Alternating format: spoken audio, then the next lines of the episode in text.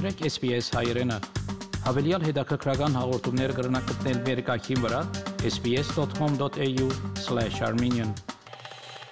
Բարև ձեզ հարգելի ունկնդիրներ, անցաչափաթ է Հայաստանում, Արցախում եւ Սփյուռքում Փաշինյանը եղել է Վրաստանում տարածաշրջանային կոմունիկացիաների հարց նորակարգում հայտարարել է վարչապետը։ Լեռնային Ղարաբաղի կարգավիճակը լուծված չէ, Հայաստանում Միացյալ Նահանգների դեսպանն է ասել։ Ադրբեջանի ոստիկանությունը Որոտանի մոտ ստուգում է իրանական պետհամարանիշներով բեռնատարները։ Այժմ այս եւ այլ նորություններն առավել հանգամանալից։ Սեպտեմբերի 12-ին Գորիս Կապան միջպետական ճանապարհի Որոտան բնակավայրի մոտ Ադրբեջանի վերահսկողության տակ գտնվող հատվածում Ադրբեջանի ոստիկանության կողմից իրականացվում է իրանական պետհամարանիշներով բեռնատարների վարորդների ու բեռի փաստաթղթերի ստուգում։ Այս մասին տեղեկացնում է Հայաստանի ազգային անվտանգության ծառայությունը, հավելելով, որ ծառայության սահմանապահ զորքերի եւ Ռուսաստանի սահմանապահ զինծառայողների կողմից համատեղ աշխատանքներ են իրականացվում առաջացած իրավիճակը կարգավորելու ուղղությամբ։ Լեռնային Ղարաբաղի կարգավիճակը լուծված չէ եւ այն մնալու է Միսկի խմբի օրակարգում. Հայաստանում Միացյալ Նահանգների դեսպանն է հայտարարել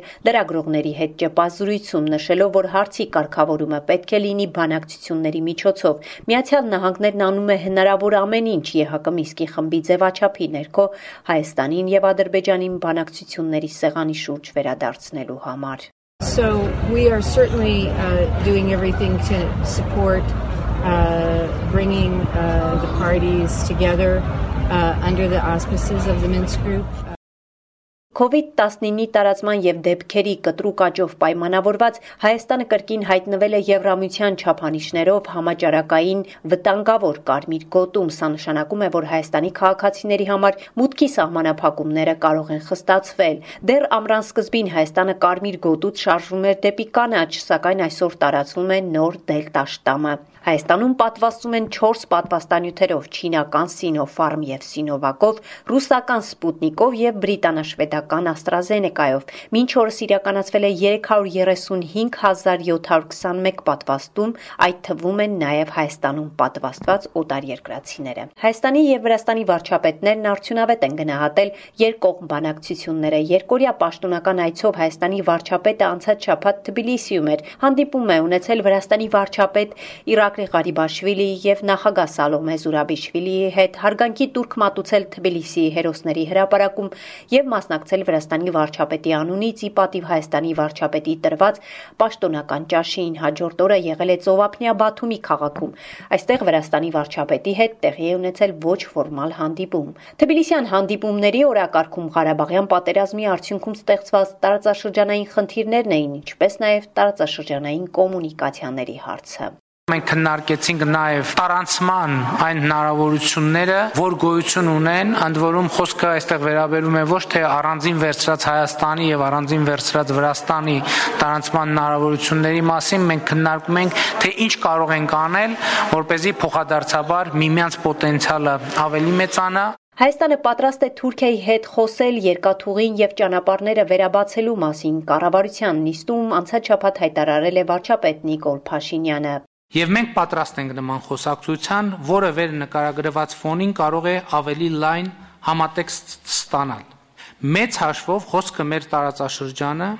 արևելքը արևմուտքին, հյուսիսը հարավին կապող խաչմերուկ դարձնելու մասին է։ Փաշինյանը կարևորել է հյուսիս-հարավ նախագիծը, ինչպես նաև չափազանց կարևոր է համարել երկաթուղային կապի հաստատումը Ռուսաստանի եւ Իրանի հետ։ Այս խնդիրը լուծելու համար ըստ վարչապետի Հայաստան-Ռուսաստան-Ադրբեջան երակողմ ձևաչափով քննարկվում է կոմունիկացիաների վերաբացման հարցը։ Այստեղ մենք վճռական ենք ջանքեր գործադրել կոնկրետ արդյունքների հասնելու համար,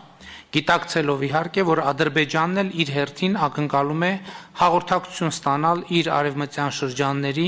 եւ Նախիջևանի միջև։ Մինչ Հայաստանը թույլատրում է իր օթային տարածքով թուրքական ինքնաթիռների թռիչքները, անգամ եթե դրանք Ադրբեջան են ուղվում, նույն ընթացքում Թուրքիան մերժում է հայկական գրանցմամբ բոլոր օթանավերի հայտերը թռիչքներն իրականացնելու իր երկնքով։ Թուրքիայի կողմից արգելքը գործում է արդեն 1 տարի քաղաքացիական ավիացիայի կոմիտեից։ Հայաստանի հանրային ռադիոին պարզաբանել են, թե թուրքական կողմը որևէ հիմնավորում չի ներկայացրել, թե ինչու է արգելում միջդեռ փորձագիտական դաշտում, պնդում են, որ Թուրքիան հայկական օթանավերի համար փակել է օթային տարածքը, ընդունելով Եվրամիության ավիացիոն անվտանգության գործակալության աուդիտի տվյալները։ Հայկական Արմենիա ավիաընկերության փոխտնօրեն կոմերցիոն տնօրեն Գևորգ Խաչատրյանը ասում է, որ վերջին անգամ Թուրքիայի օթային տարածքով թռիչքային ծրագիր ներկայացրել են այս տարվա գարնանն ու մերժվել Այլ ընտրանքը օրինակ Եգիպտոսի պարագայում, եթե մենք նորմալ պայմաններում այդ չվերթը իրականացնեինք Թուրքիայի օթային տարածքի վրայով, մեր Եգիպտոսի օրինակ կոնկրետ խորկատայի չվերթը կկրճատվեր երկու ուղղության համար մոտավորապես 30-ից 45 րոպե։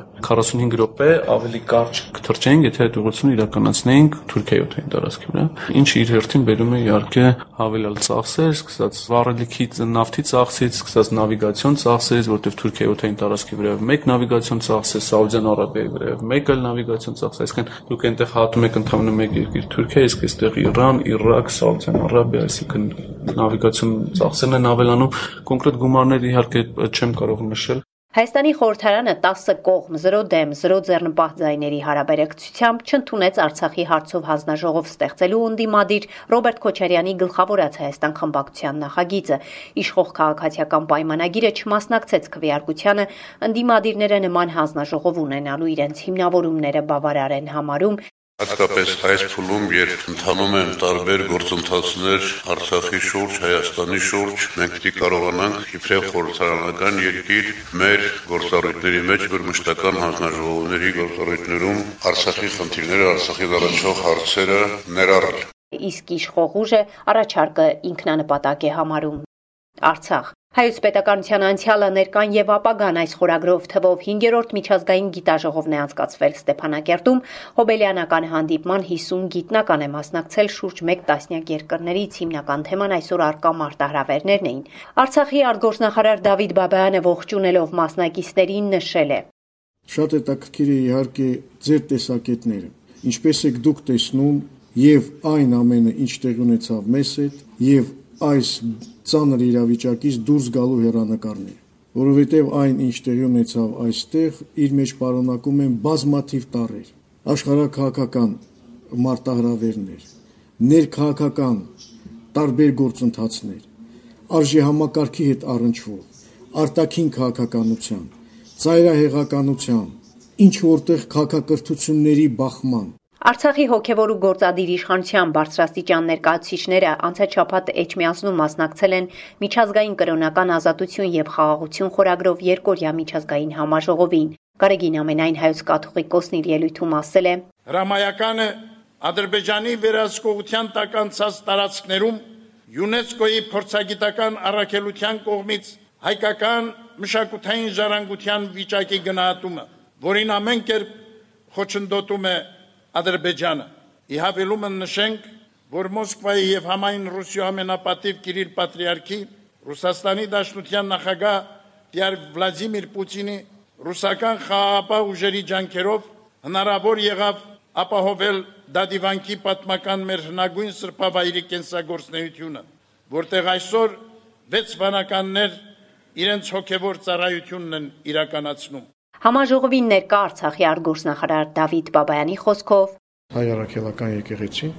վեհապար տիրոջ գլխավորությամբ մեծ աշխատանք է տանում այս ուղությամբ եւ ոչ միայն միշտ հատուկ ուշադրության կենտրոնում է պահում Արցախը եւ սա արժանի է ամենաբարձր գնահատանքի Սփյուռք Լիբանանի արդյունաբերության նախարարությունը կղեկավարի Ջորջ Փուչիկյանը Լիբանանում հաստատվել է նոր կառավարության կազմը 24 նախարարների թվում է նաև հայազգի Ջորջ Փուչիկյանը, ով կղեկավարի արդյունաբերության գերատեսչությունը Մեկնորություն հարևան Վրաստանից Թբիլիսիի Մթացմինդա թաղամասի Կոտե Մեսխի նրբանցքը, որի 7 հասցեում է ապրել հայտնի թբիլիսահայ կինոռեժիսոր Սերգեյ Փարաջանովը անվանակոչվել է նրա անունով։ 1992 թվականի սեպտեմբերին իր տան պատին բացվել էր նրա հուշատախտակը 2004 թվականին էլ Թբիլիսիի հին թաղամասում դրվել էր Փարաջանովի հուշարձանը։ Այսօր վրացի մի շարք մտավորականներ հանդես են գալիս Թբիլիսիում Փարաջանովի տուն թանգարան բացելու առաջարկությամբ Թբիլիսիում լույս տեսնող հայատար Վրաստան թերթի գլխավոր խմբագիր Վան Բայբուրթյանը ասում է.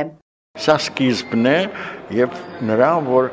սկսվում է արդեն տուն թանգարանի բացումը ես կարծում եմ որ իրոք սա իրականություն է դառնում որ շուտով Թբիլիսին կունենա իր տուն թանգարանը Time to Analyze հարթակը հետազոտություն է իրականացրել եւ ողրզել, որ աշխարհում ապրում է ավելի քան 10 միլիոն հայ, որից 8 միլիոնը Հայաստանից ու Արցախից դուրս։ Վերլուծությունն իրականացնելու համար հետազոտող խումբն օգտագործել է աշխարհում գործող հայկական հասարակական քաղաքական միությունների ու կազմակերպությունների, հայկական եկեղեցիների ու միգրացիոն ծառայությունների տվյալները։ Այսքանը հաղորդումն SBS-ի համար պատրաստեց Գիտա Իրբեկյանը։